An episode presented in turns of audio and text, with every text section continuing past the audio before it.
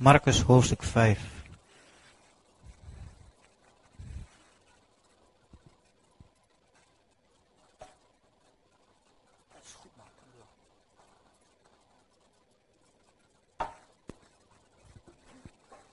Marcus hoofdstuk 5. En ze kwamen aan de overkant van de zee in het land van de Gerasenen. En toen Jezus uit het schip ging, kwam hem terstond uit de grafsteden een mens tegemoet met een onreine geest, die verblijf hield in de graven. En niemand had hem meer kunnen binden, zelfs niet met ketenen. Want hij was dikwijls met voetboeien en ketenen gebonden geweest, en de ketenen waren door hem stuk getrokken en de voetboeien vernield. En niemand was bij machte hem te bedwingen. En voortdurend, nacht en dag, was hij in de graven en in de bergen schreeuwende en zichzelf met stenen slaande. En toen hij Jezus uit de verte zag, liep hij toe, viel voor hem neer en zei, roepende met luide stem, wat heb je met mij te maken, Jezus, Zoon van de Allerhoogste God? Ik bezweer u bij God dat gij mij niet pijnigt. Even stoppen.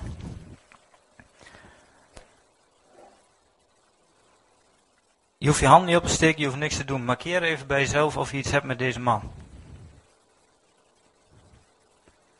Zet even bij jezelf neer, ja, ik heb er wat mee. Ik weet niet wat de kerel is, ik heb er niks mee. Rare vent.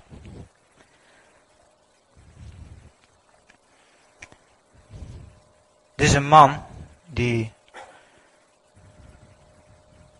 buiten controle was. En de Bijbel zegt, het was een man die Uit de grafsteden kwam een mens tegemoet met een onreine geest. Het was een mens met een onreine geest. Het was een goede mens met een onreine geest. Dat is het is een goed mens met een onreine geest. En dat is wat anders wat ik, de eerste keer dat ik, of de eerste keer, maar ik, ik las daarover en ik dacht erover na. Ik denk, dat, dat, is, dat is iemand die is niet, niet wijs, niet bij zijn verstand. Dat is niet zo. Het is een mens met een onreine geest. En er staat dat ze een aantal keren hebben geprobeerd deze man te, te ketenen, vast te maken. En dat hij de voetboeien vernield heeft en kapot gemaakt heeft. En dacht erover na en dacht, maar hoe leg je iemand voetboeien aan die de voetboeien kapot trekt? Hoe doe je dat? Dat kan helemaal niet. Die man is zo sterk. Als je die voetboeien kapot trekt, dan ga je ook niet geen voetboeien bij hem aandoen. Ook niet met tien man. Dan gaat, dat lukt niet. Dus die man is op een moment geweest. Er is een keer geweest dat die man zegt, leg me maar aan banden. Leg me maar vast. Ik, ben, ik pas niet in deze samenleving. Leg me maar vast. Je, kunt, je mag die banden, ik sta je toe mij aan banden te leggen. En... Uh, Dat kan nog steeds. En um, ik zal je vertellen wat bij mij gebeurde en of hoe dat bij mij gegaan is. En dat is best heftig, want ik kom eerst niet vereenzelvigen met die man. Ik herkende mezelf er niet in, later wel. En sterker nog, vanmorgen waren we hier in uh, bidstond. En God die sprak tot mij en zegt, ik wil je even laten zien hoeveel jij op die man lijkt. En jij mag het ook gaan vertellen nu. Zo. Bedankt. Weet je, op het moment dat je samen leeft, ik leef samen met Marieke, we zijn getrouwd, we hebben kinderen. Dan heb je een relatie met elkaar. En in die relatie maak je afspraken. Gezamenlijke afspraken. Ben je het met elkaar over eens. In zekere zin bind je jezelf dan en zegt: Oké, dit is afspraak, dit is een grens, daar ga ik niet overheen. Weet je? Voorbeeld daarvan, als je. Um, s'avonds aan het werk bent en je zit uh, te werken achter de computer op zolder, dan check je niet van allerlei sites. En ik zal direct duidelijk zijn, dat deed ik wel. Ik checkte wel van allerlei sites die ik niet had moeten bekijken. En we hadden een afspraak, we waren getrouwd. We hadden een verbond gemaakt. En dan breek je een voetboei of een, een boeien waar je zelf aan hebt gelegd, die je zelf hebt afgesproken, breek je kapot. Snap je? En dat is heftig. Dat is bij deze man ook gebeurd. En dat was niet één keer gebeurd, maar hij had veel afspraken gemaakt. En die waren allemaal verbroken, kapot gemaakt. Totdat mensen zeiden, weet wat, we maken geen afspraak meer met jou. Je bent niet meer om bij in de buurt te zijn. We kunnen geen relatie meer met je onderhouden. Gaat niet meer. Je bent uit controle. Je bent helemaal los van alles. Je bent niet meer aanspreekbaar. Gaat niet meer. En die, uh, die mensen zeiden van, nou, weet je, ga maar naar de graven. Of hij ging zelf naar de graven, naar de eenzaamheid, naar de dood, naar, naar waar niks meer was, waar niks meer leeft. Je komt in isolement als je allerlei afspraken die je maakt bewust verbreekt. En je bent niet meer in staat om samen te leven met andere mensen. Dat is wat met deze man gebeurd. En dan staat er, hij was in de graven en in de bergen schreeuwende en zichzelf met stenen slaande. Iedere keer dat hij daar alleen was, zei oh, ik ben helemaal misgegaan, weet je wel. In de eenzaamheid sloeg hij zichzelf en in de eenzaamheid maakte hij zichzelf kapot en vernielde hij zichzelf. Ja, ik, weet je, ik ken die kerel wel. Je, hij lijkt echt op mij. Ik ken hem echt. Ik ken dat als je in de eenzaamheid bent en, als je alleen bent, dan zeg een bende van gemaakt. Weet je wel, weer die afspraak die ik heb gemaakt, weer verbroken. En het kan zo ver gaan dat iemand tegen je zegt, weet je, je hoeft niet meer bij me te komen vertellen waar je nou in mist. En ga maar, ik niet eens meer weten. Dat is bij die man gebeurd. En dat gebeurde bij mij ook.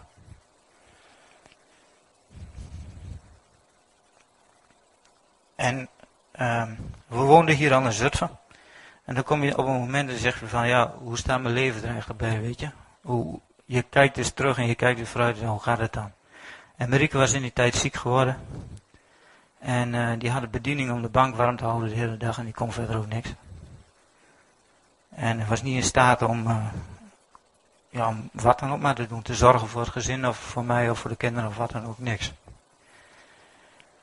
En uh, we waren samen door, of samen of alleen door de bergen gegaan en ben in de graven geweest en overal gekeken. Ik bedoel, naar die dokter, naar dit, naar dat, naar zus, naar zo, overal gekeken. Tot in Amsterdam toe, ver weg gegaan daarvoor. En niks gevonden. En wel van alles gebeurd, maar we vonden niks. Niet wat beter maakte, niet wat voor ons zorgde. En dat er iemand tegen ons zei van, weet je, je zou eens naar genezingsdienst moeten gaan. Dat was Marika moeder. Weet je, je zou eens naar genezingsdienst moeten gaan. En ik, zei, ik reageerde net als die man. Ik zei, alsjeblieft, hé. We zijn echt overal al geweest, maar we gaan naar genezingsdienst, dit is echt. That's it, weet je wel. En een paar dagen over, uh, overheen gegaan. Ik denk, nou, we zijn overal al geweest, weet je. Laten we als allerlaatste ding, laten we dat dan ook nog maar doen. En als dat niet meer is, dan houden we het wel helemaal op. En die man die reageert, of die man en die onreine geest die in hem is, die reageert en die zegt, wat heb je. Eerst zegt hij. Uh, die man die viel voor hem neer. Als je Engelse vertaling leest, dan staat: de man worshipped him. Aanbid, aanbad Jezus. Er was een deel in die man die Jezus aanbad. Er was een deel in die man die zei van. Uh, wat heb je met mij te maken, Jezus, zoon van de Allerhoogste God? En dat herken ik ook. Kwamen we daar binnen in die genezingsdienst en ik denk, ja, was dit, weet je wel. Ik wil er niks mee te maken hebben. Jezus, alsjeblieft. Ik was in kerk opgegroeid. en Ging iedere zondag naar de kerk. Niks aan de hand, wat dat betreft, dacht ik. En die, die man zelf, iets in hem herkende Jezus. En die rende naar hem toe. En fysiek kwam die voor Jezus. En die, hij aanbad Jezus. En een ander ding in hem zei van, uh, Jezus, wat heb ik met u te maken? Ja, heel herkenbaar voor mij. En... Uh, die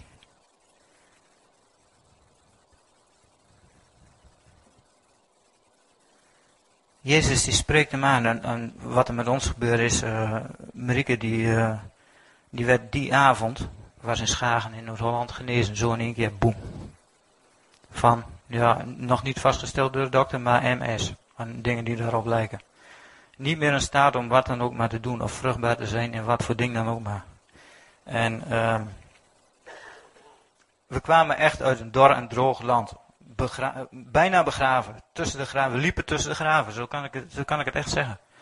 En, en er was niks, geen vruchtbaarheid meer in het, eh, in, uh, in het land, zeg maar. Niks wat je nog ja, zeg maar, waar je, waar je blij van wordt, waar je zegt van daar ben ik trots op. Maar bonk droefenis, gewoon. Marieke werd genezen en ik zat erbij en denk van, ah, wat is dit, weet je wel, hype, circus, toestanden, alsjeblieft.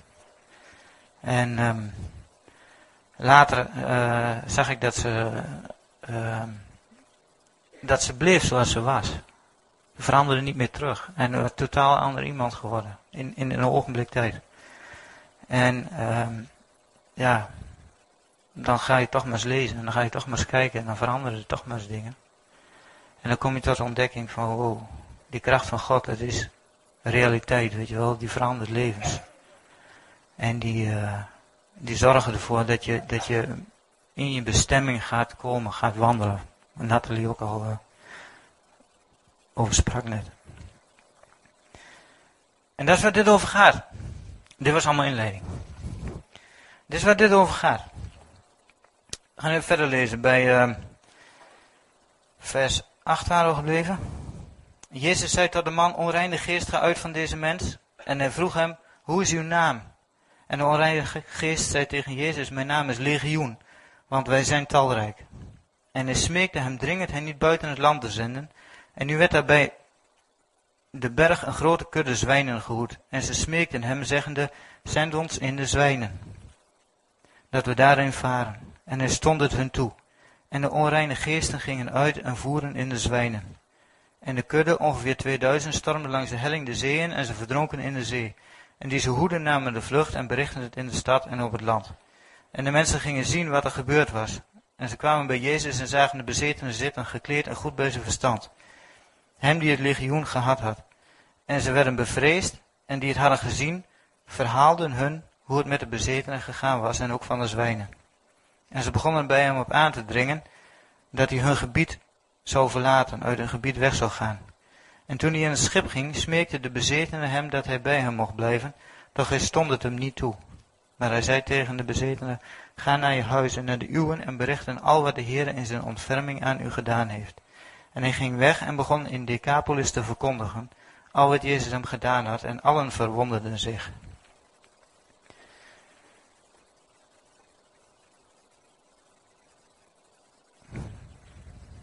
Dit is iemand die ik ken. En is iemand die in de graven liep en die een bende had van zijn leven. En die, die een puinhoop had. En die aan het eind van het verhaal mensen gaat vertellen wat Jezus bij hem gedaan heeft. Zo, ik lijk echt op hem. um, vers 8. De onreine geest, Jezus zei tegen de man, onreine geest, ga uit deze mens. En toen vroeg Jezus aan hem, hoe is uw naam? En hij zei dat hem, mijn naam is Legioen, want wij zijn talrijk. En hij smeekte hem dringend niet buiten het land te zenden. Die man heeft een onreine geest. Jezus komt hem tegen en Jezus zegt tegen, hem, tegen die onreine geest, ga uit de man. En de onreine geest doet dat. Hij, daar wordt verder niet over geschreven hoe dat gaat of hoe dat ging. En hij, kennelijk gehoorzaamt hij daar direct in. En dan begint die geest te spreken en uh, gaat hij eigenlijk met Jezus in gesprek en Jezus met hem. En die onreine geest smeekte hem dringend niet buiten het land te gaan. Um, bevrijding en bevrijding van mensen zijn we redelijk bekend mee, zeg maar. Als gemeente zijn we daarmee bezig. En als, uh, zeg maar, degene die met deze gemeente begonnen is, Wilkin, die is daar uh, heel erg bekend mee, zeg maar. Die uh, geeft ook veel onderwijs in, ook in het land en zo. En dat is heel goed. Want dit is hetzelfde wat Jezus doet. Hij zegt van, wow, die man is, die heeft een onreine geest en ik wil dat hij eruit gaat. En um, dan, dan spreekt die onreine, onreine geest en zegt van, nou, oké, die man laat ik wel los, maar ik vraag je dat je niet, dat je mij niet uit het land stuurt. En wat is nou het land? Het land is in dit uh, verhaal is een fysieke plek. Land. En in de Statenvertaling staat dat die onreine geest vraagt aan Jezus, zet mij niet buiten de landspalen. De, en vroeger had je palen langs de weg, dat je kon zien van waar de ene gemeente begon en waar de andere uh, eindigde, zeg maar. En uh, die geest, geesten, er zijn meerdere, die zeiden van, hé, hey, ik wil dat je me niet daar buiten zet, want dat is niet meer mijn gebied. Ze willen hun gebied, hun invloedsgebied, zeg maar, niet opgeven. Dus die geesten die horen bij dat land. Dat is wat hun gebied is, dat is wat ze beïnvloeden. En daarvoor wonen ze in die man. Um, hoe dat precies allemaal in elkaar zit, met geesten en dat soort zaken, dat weet ik niet. Maar ik weet wel dat ze, een, dat ze horen bij dit land en bij dit gebied. En dat ze dit gebied niet op wilden geven. En ze zeggen van nou, als ik nou uit die ene moet, en, maar ik wil wel in dit gebied blijven, zoek wel een ander op, ga ik daarin. En dan zegt Jezus, ik sta het je niet toe. Ik wil niet dat je, ik wil niet, eh, eh, of nou, hij zegt het niet, maar op een gegeven moment zeggen, staat er, Die onreine geest smeekte Jezus dringend hen niet buiten het land te zenden. Nu werden er bij de bergen grote kudde zwijnen goed en ze smeekten hem zeggende, zend ons in de zwijnen, want geest wil altijd in een lichaam. De geest heeft geen handen en voeten, kan niet bewegen, kan geen dingen doen of dingen laten, zeg maar, of, of spreken, zo makkelijk. Hij kan veel makkelijker spreken als hij in een lichaam is. Daarom vraagt hij, als ik dan uit deze moet, wil ik graag ergens anders naartoe. En dan zegt Jezus van, nou ga dan maar in die zwijnen. En, eh, en Jezus stond er toe en de onreine geesten gingen uit en voeren in de zwijnen en de kudde ongeveer 2000 stormden langs de helling de zee in en ze verdronken in de zee. Er waren dus heel veel onreine geesten, zoveel dat er een kudde van 2000 zwijnen voor nodig was om ze te herbergen. En die zwijnen die reageren op die uh, bezetting, zeg maar, door van de kust af te springen het water in. Het water staat vaak voor een graf in de bij doop ook. Bij doop en watergraf. Dus ze zijn al weg. En ze zijn Eerst uit de man en daarna van, van het land af. Dus die man, die heeft ruimte gekregen. Ruimte in zichzelf, maar ook ruimte in het land waar hij over gesteld is. Ik denk dat we trouwens in, de, in, de, in, in kerken en in het algemeen eh, leggen we veel nadruk op persoonlijke bevrijding, zeg maar. Zijn we best mee bezig. Maar uh, in hoeverre denk je ooit wel eens na over bevrijding van je land? Of bevrijding van je invloedsgebied. Het hoeft niet een fysieke plek te zijn, maar je land kan ook zijn een, bijvoorbeeld een bedrijf waar je werkt. En zeker is het je gezin waar je uitkomt. En zeker is het, uh, als je op school zit in een klas, is het je klas waar je bij hoort. Het hoeft niet een landsgebied te zijn, maar een invloedsgebied, is misschien beter gezegd.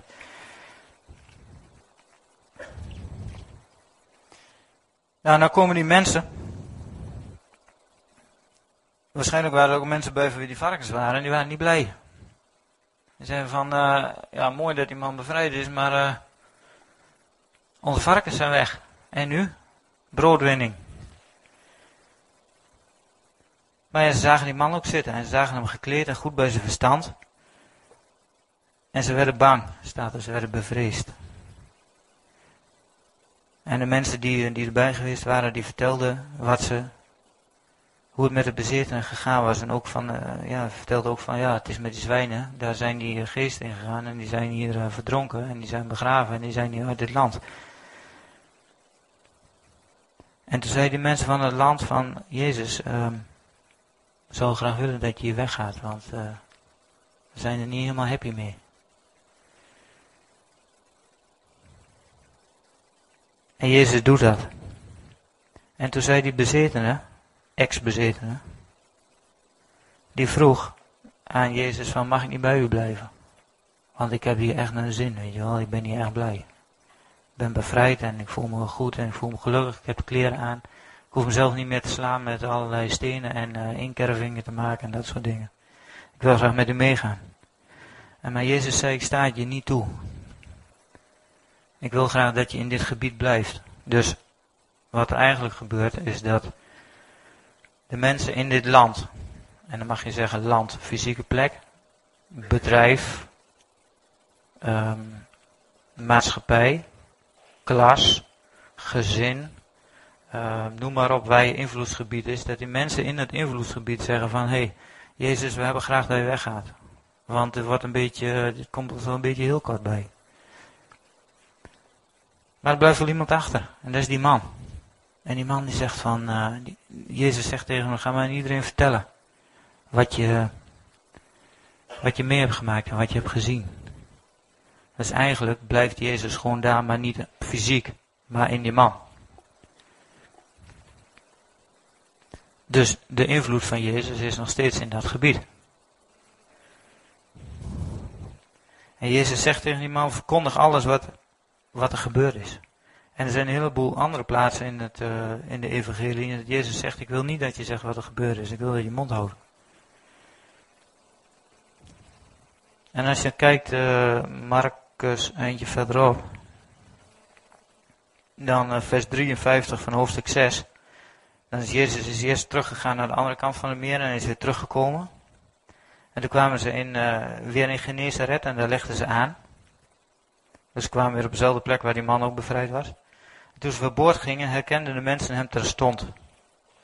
En ze liepen de hele streek af en begonnen diegenen die ernstig ongesteld waren om matrassen rond te dragen naar de plaats waar ze hoorden dat Jezus was.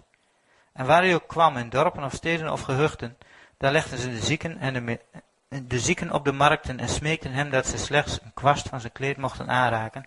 En allen die hem aanraakten werden gezond.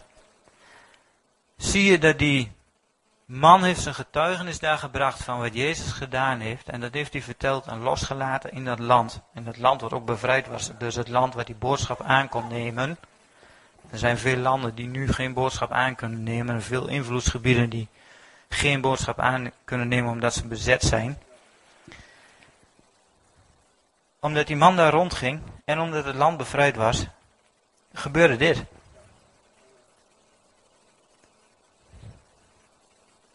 En als je nou kijkt in Nazareth, bijvoorbeeld, dat is hoofdstuk 6 vers 1. De er staat bij mij Bijbel boven de verwerping te Nazareth. Dat is wel een verschil. Er is wel een groot verschil in, uh, in wat Jezus kan doen op de ene of op de andere plaats. En dat komt omdat het of het land is bezet en er is niemand die getuigenis is daar. Getuige is daar.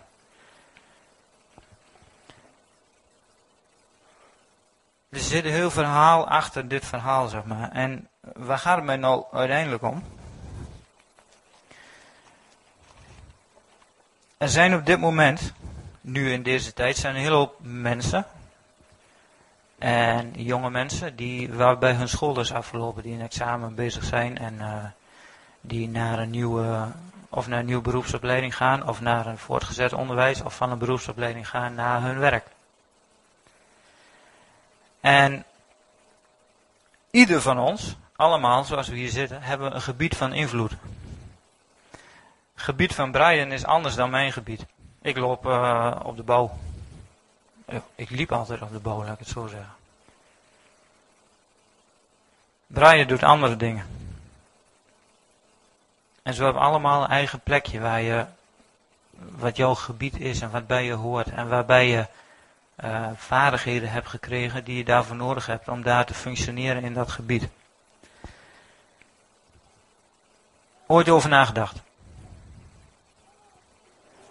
Je zou kunnen zeggen bestemming. En daar, dat is meer, eh, zeg maar, meer uh, ingeburgerd woord. Wat is je bestemming? Wat is je gebied? Wat is je gebied van invloed? Waar mag je je invloed uitoefenen? Um,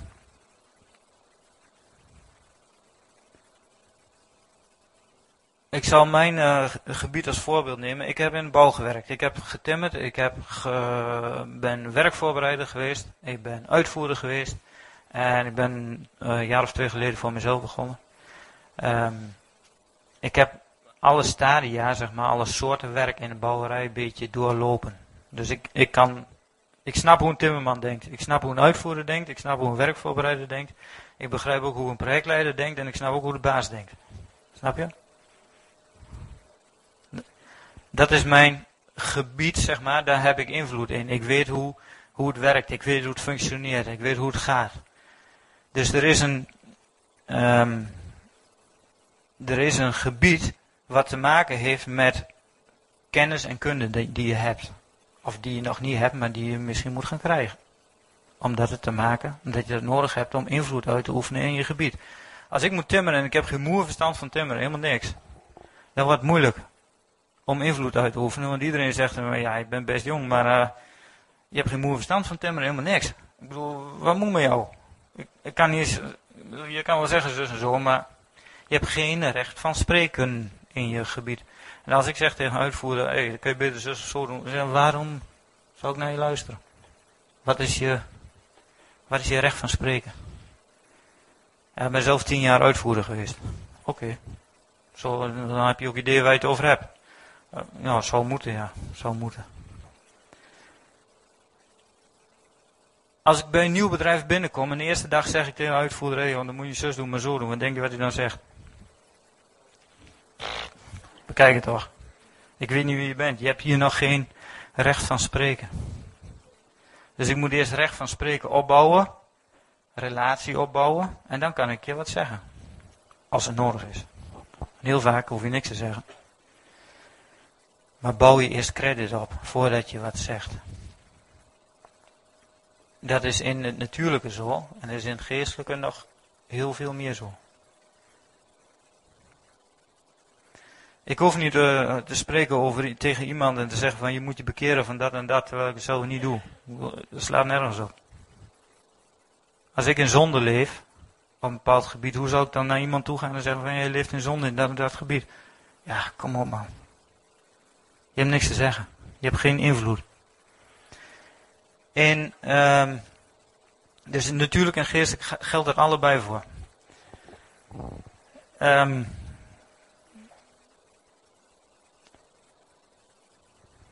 toen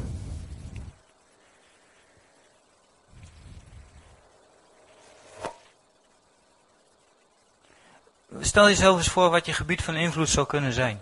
Voor nu, voor de komende tijd. Waar heb je invloed? Of waar heb je al gebouwd zodat je al invloed hebt?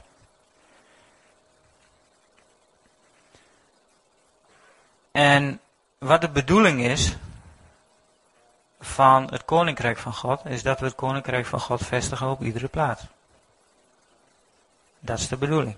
Dus als ik in de bouw loop, is de bedoeling dat het koninkrijk van God komt in de bouw. Op de plaats waar ik ben.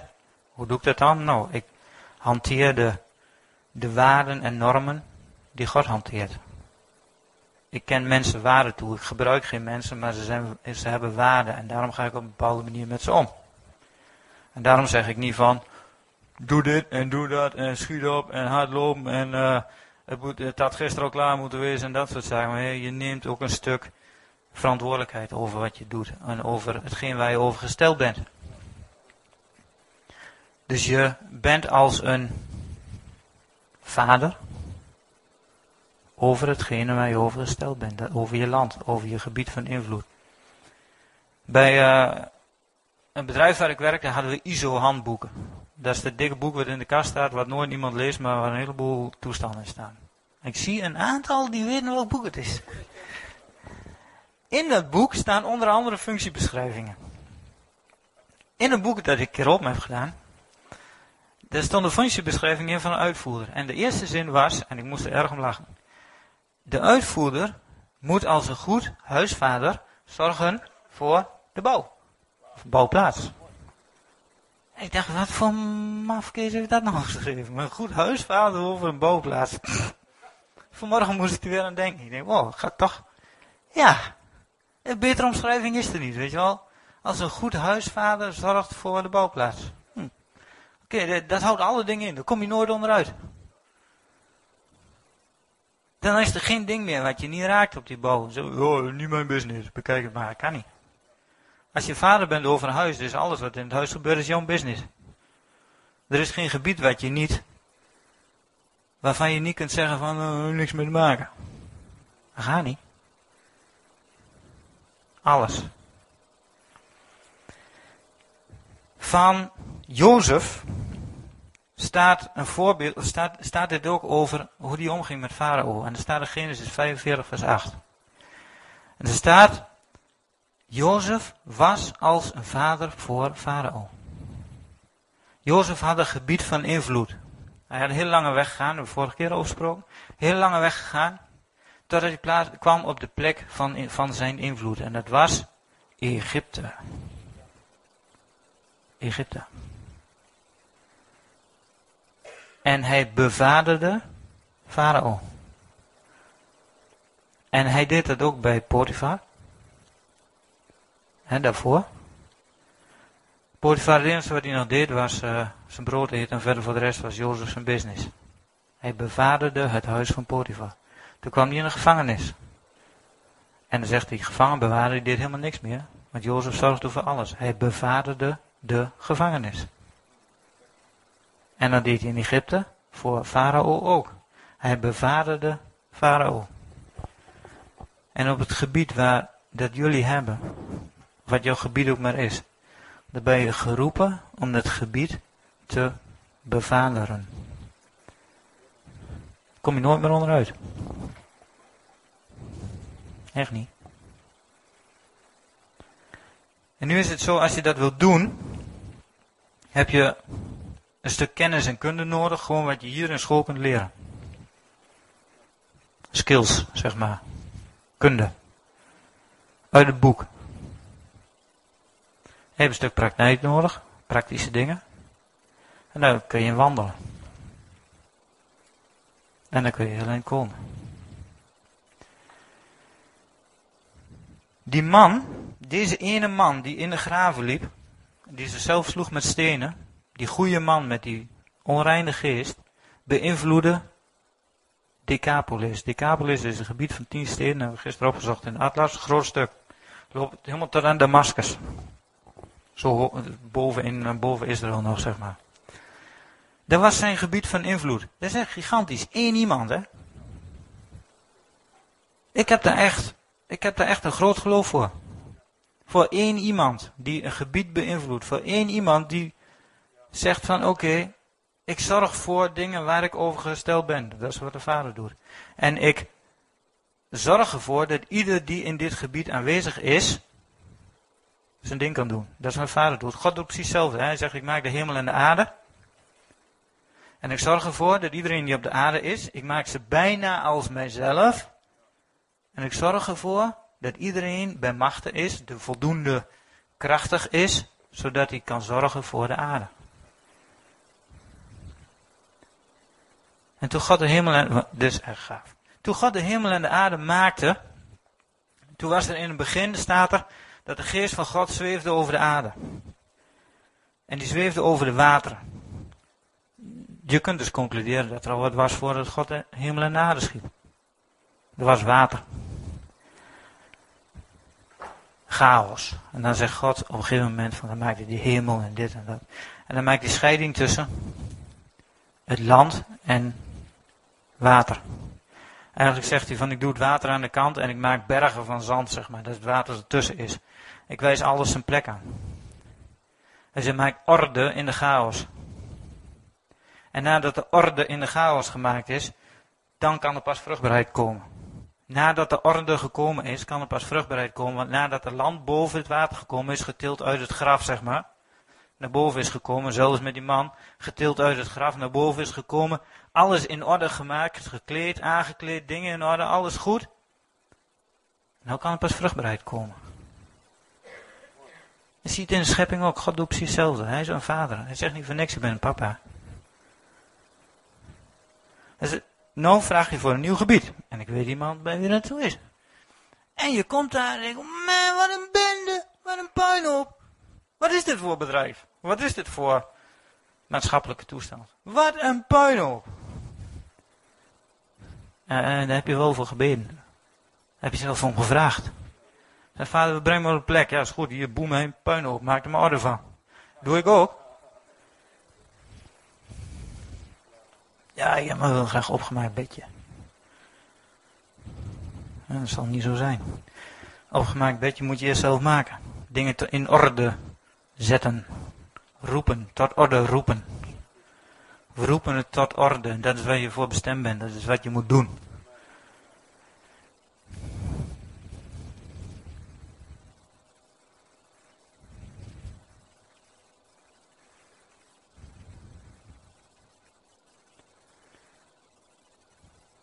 Weet je wat gaaf is? Als je weet wat je gebied is. Als je weet wat je gebied is en zegt van oké, ik ben nog jong. En ik heb de mogelijkheid om een aantal dingen te leren die ik later kan gebruiken voor wat mijn gebied is. Dan ben je een hele stap vooruit.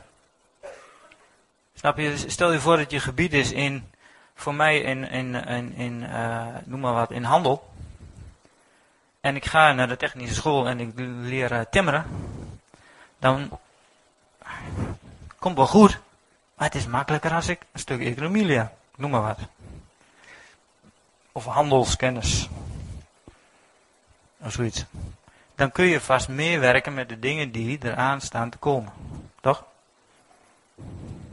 Dat is makkelijker dan als je, dan kun je zo instappen. En zeggen, oh, ik heb mijn dingetje al een beetje, ik weet al een beetje wat het over gaat. Toch? Ik zal je vertellen hoe wij dat in ons gezin eh, een beetje plegen te doen. Wij hebben een, oudste dochter. Die zit daar. Hey. Opletten, hè. Ik heb het je. Nee, maar ik heb een oudste dochter en die... Uh, daar zien we dingen in. We, wat wil je doen? Dat of dat? Nou, dat vind ik leuk, dat wil ik graag doen. En dan ga je daar al in mee, zeg maar. Dat gaat dezelfde richting in. Met onze tweede dochter is dat iets, voor ons in ieder geval meer duidelijk. Is iemand die houdt van uh, ballet en dat soort zaken. Is ze niet van mij. Want als ik dat doe, komt het echt niet goed. Het komt echt niet goed. Maar zij heeft het wel. En eh, dat, ik weet dat het ook een stuk van haar bediening is. En weet je wat we doen? Wil je naar ballet? Ja, graag. Vind ik leuk, vind ik gaaf. dan stuur, ga je naar ballet? Mag. Weet je wel? En dan komt er een keer een moment dat de juffrouw zegt, ja, Merel was er niet, ik weet niet wat ik moet doen. Ga niet goed met de rest. Weet je wel, dat gebeurt dan. Omdat het haar ding is, is, is daarin, ze is daarmee bezig. En als je zo eens naar je kinderen kijkt, of naar diegene waar je, die je op de plek mag helpen als twaalfgroepleider of in je twaalfgroep. Zeg van, ik zie dat en dat in jou. Misschien moet je eens kijken of je een beetje in die richting alvast kunt gaan investeren, weet je wel. Maak jezelf een stuk makkelijker.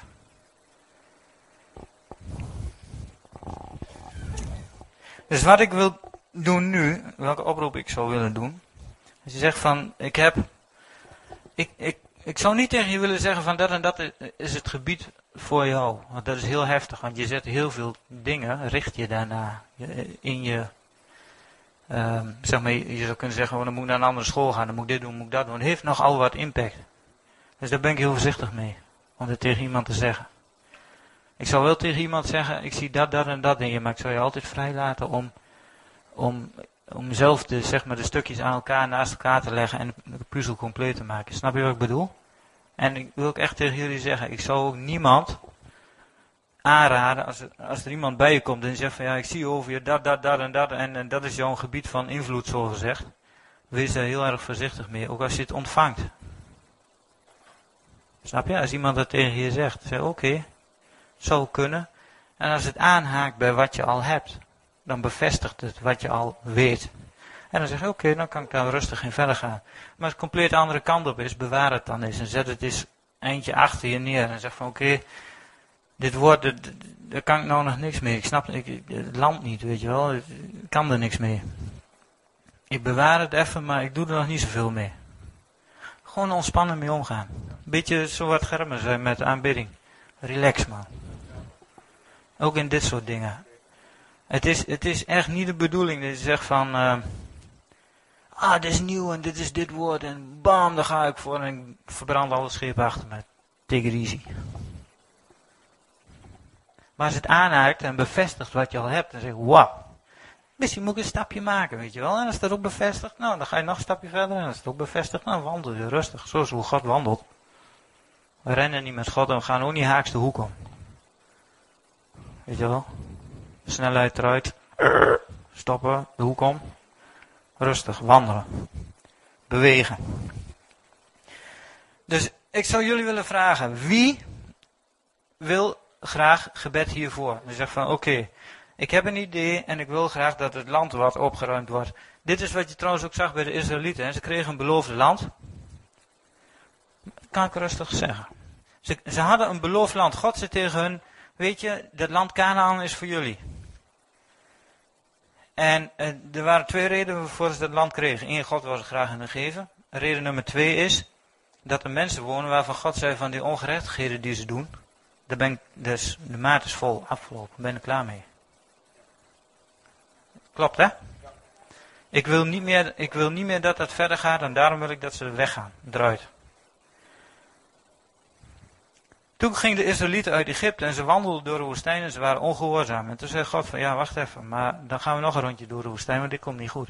En het hele geslacht wat ongehoorzaam was, zei God van, we stoppen hiermee. Dat doen we niet. Waarom, zei God dat? Heel logisch. Zeg, de, de maat van de ongerechtigheid is vol over dat land waar jullie heen gaan. Als ik jullie er nou heen breng in dezelfde ongerechtigheid, hé, hey, waarom? Dat heeft geen nut. Ik, ik, zo gezegd schiet er niks meer op. Dus ik moet mensen hebben die gehoorzamen. En die naar luisteren naar wat ik zeg. En die sterk, en wat God tegen Jozef zei, wees sterk en moedig. Luister naar de wet en doe wat staat. De sleutel voor je land in bezit nemen. Als je op dezelfde manier handelt, niet correct, niet to the point, uh, niet overeenkomstig de wetten van God, uh, als diegene die dit land al in bezit heeft, zegt God, ja, waarom zou ik jou een land geven? Waarom zou ik jou ruimte geven waar je invloed hebt? Die invloed die, die jij uh, daaruit gaat oefenen, die is er al, dus uh, waarom? Dat is een noodzaak van rein en heilig en zuiver leven voor God.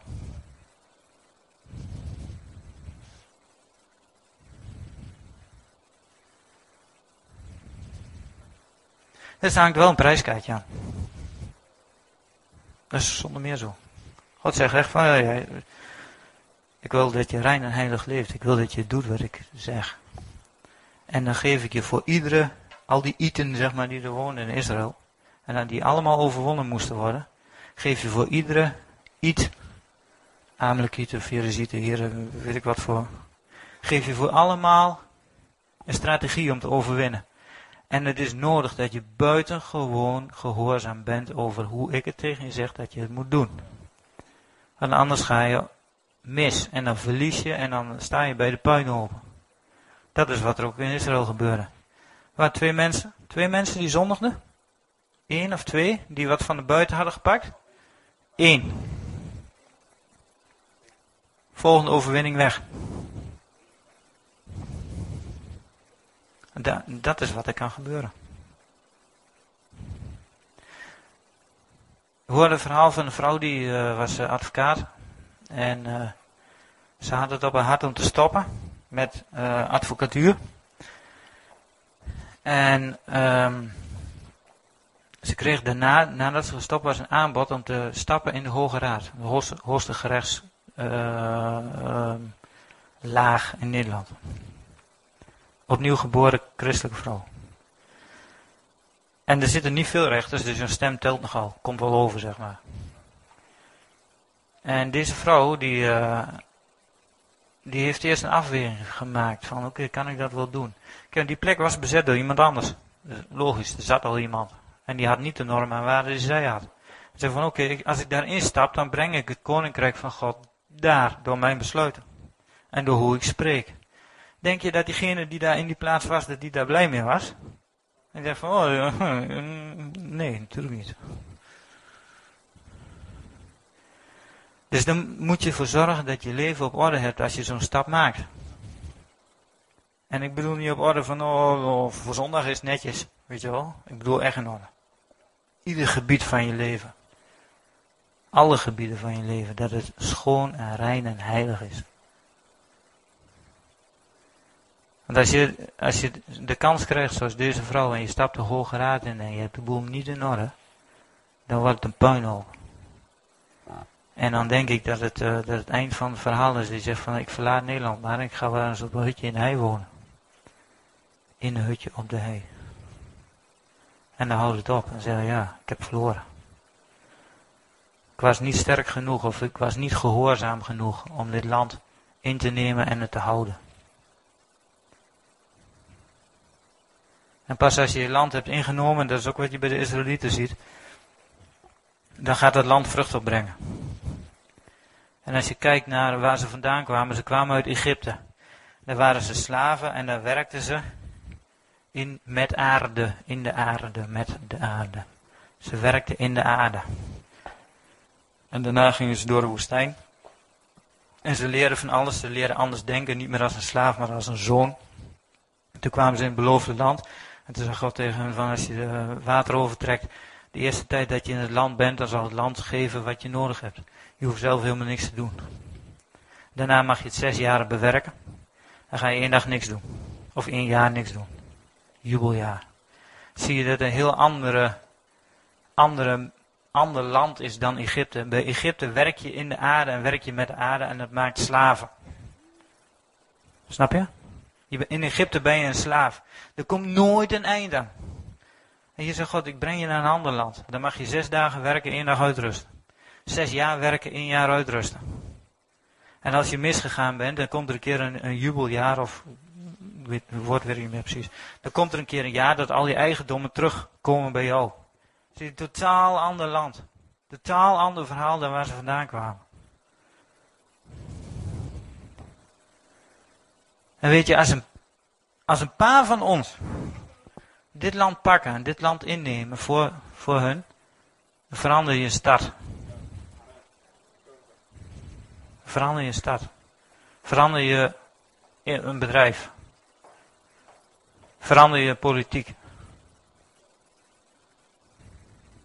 Het is echt onvoorstelbaar hoe, hoe krachtig dat is. En daar hangt wel een prijskaartje aan, moet gewoon eerlijk over zijn. Als je, je moet het van tevoren, moet je gewoon wegen. Zeg van ja, ik, ik heb in beeld wat er, wat er ongeveer op me afkomt. Ik heb een indruk. Is het me dat waard? En dat is heftig. En ik zal je gelijk zeggen, ik voor mijzelf persoonlijk, ik ben ermee bezig. Dit is iets wat mijn hart heeft en dit is iets, ik, ik hou hier heel erg van. Voor dit, dit stuk evangelie. En dit stuk waar Jezus ook voor gestorven is en waar de kracht van het bloed van Jezus zichtbaar moet worden. Veel meer nog dan dat het nu is. Wij gebruiken het bloed van Jezus veel om, voor zielen, voor mensen. En dat is hartstikke goed, dat moeten we doen. Maar het bloed van Jezus is ook voor landen. Is ook voor de hele wereld, voor naties, voor fysieke plekken. Want Jezus zegt, want al zo lief had God de wereld. En dat is niet alleen de mensen uit de wereld, maar dat is de wereld, de hele wereld. En dat is zijn bedrijven, dat zijn scholen, dat zijn klassen, dat zijn uh, politieke systemen, dat is rechtspraak, dat is alles. Daar moet, mag en moet denk ik ook, al, overal het bloed van Jezus overgepleit worden. En aan het eind, openbaring zegt, dan brengen we al onze kronen aan de voeten van Jezus. Waar komen die kronen dan vandaan? Een kroon krijg je alleen maar als je koning bent. Als je koning bent over een gebied, koning over geestelijk gezien, hè, je hoeft niet directeur te worden van een bedrijf, daar gaat het niet om. Maar als je invloed hebt, dan bouw je iets. Dan bouw je een koninkrijk. Bij het koninkrijk wordt een koning. Dan ben jij in dit geval. Oh, ik ben de koning. Nee. Als je hoog wil zijn, moet je nederig zijn, zegt de Bijbel.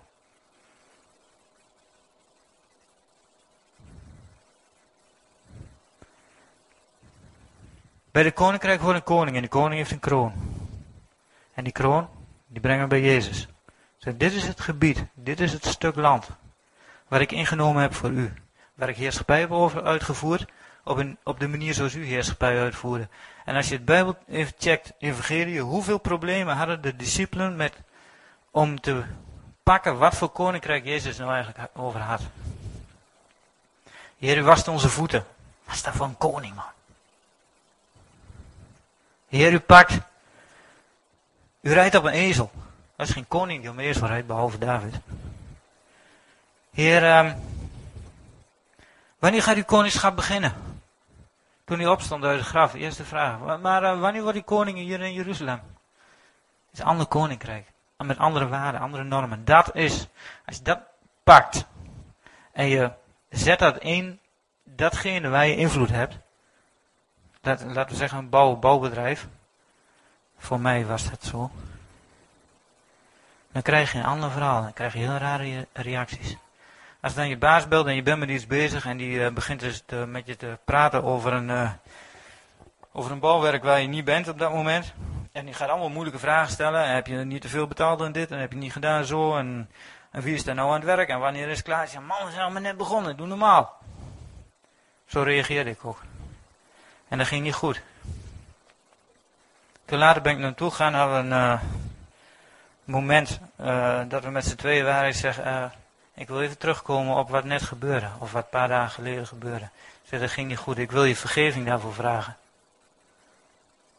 Vergeving vragen. Nou ja, zeg, het is dat je er zelf over begint, anders was ik erover begonnen, want het leek helemaal nergens op. Ik nee, het leek zeker nergens op. Ik zeg, en nog wat, ik ik wil je eren omdat je mijn baas bent. Wat zegt die man? Wat? Sindsdien, hè? Ik werk nog niet meer daar, maar sindsdien, ik kan lezen en schrijven met die man. Maar ik heb wel, je, dat is wat het koninkrijk doet. Je vraagt vergeving als je misgegaan bent. Zeg, heer, ik ben misgegaan. Ja, ga maar naar die man toe, vraag me vergeving. En dan bouw je het koninkrijk mee. En dan stop je die waarden en normen die in het koninkrijk zijn, die stop je in een bedrijf. En daar bouw je mee. En dan krijg je zeggenschap. En dan krijg je dat je, dat je een keer wat tegen iemand kunt zeggen. Moet niet de eerste dag doen. Dit is lange termijn werk. En dit is heftig, want mensen zien je vijf dagen in de week. En die weten precies te zeggen waar je misgegaan bent. Dit is heel wat anders dan dat je iemand op straat tegenkomt en zegt, Jezus houdt van je en ik loop verder. Snap je? Dit is vijf dagen in de week. Dit is, heel, dit is, dit is heftig. En dit maakt dat je nederig hart moet hebben en zegt van oké, ik kom terug op wat ik gedaan heb. Ik vraag je vergeving. Wil je me vergeven wat ik gedaan heb? Mensen, veel mensen, je veel mensen tegenkomen die eens weten wat vergeven is. Dus ik weet niet waar je het over hebt. Zo. Ik wou uh, graag vragen, diegene die uh, muziek, de musicians, of die uh, zouden willen spelen.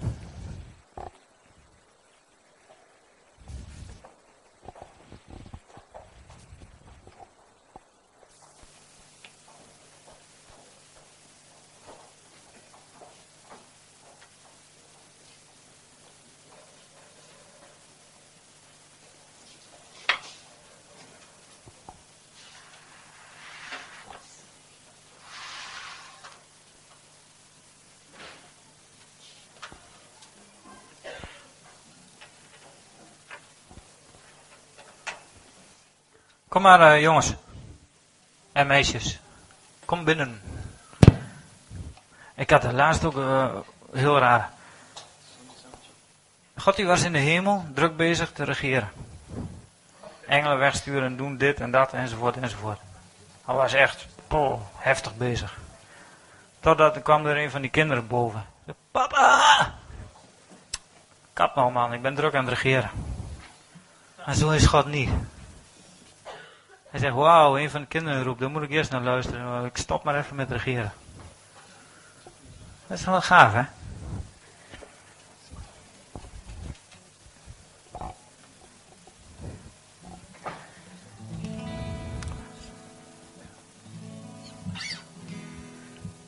Vader, we willen voor uw aangezicht komen op dit moment. Willen u danken, Vader, voor uw aanwezigheid. We willen u danken, Vader, dat u hier bent met uw Heilige Geest wil u danken, Vader, dat u hier bent met de geest van het zoonschap. Heer, met de geest van het zoonschap, Vader.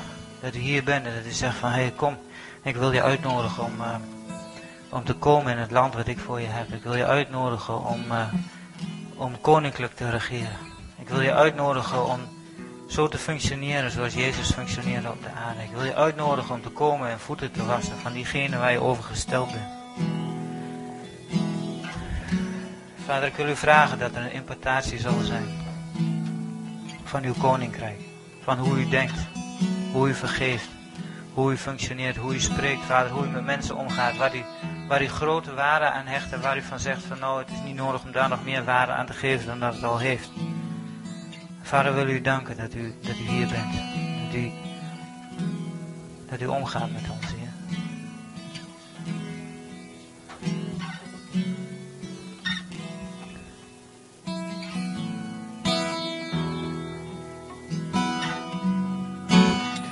Als je dat wil, je mag gaan staan en zullen we God aanbidden.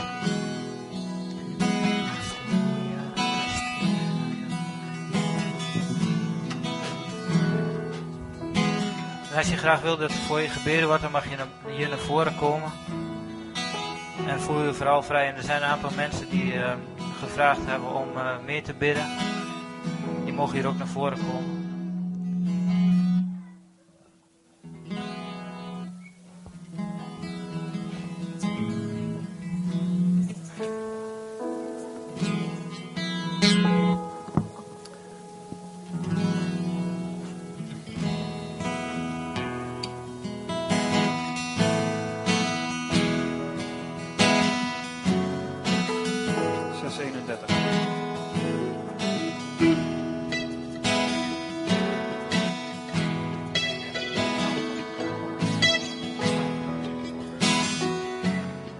Als je een moment voor een keuze staat om uh, te veranderen van school, of dat je van school af gaat, je gaat naar voortgezet onderwijs, of je komt van school af en je gaat de maatschappij in. En zegt van wauw, ik wil graag een land hebben waar ik mijn invloed, waar ik mijn koninklijke invloed kan laten gelden. Dan wil ik vragen of je naar voren komt, of je zegt van ja, daar wil ik graag in bediend worden, daar wil ik graag een woord over hebben, daar wil ik graag de kracht voor hebben.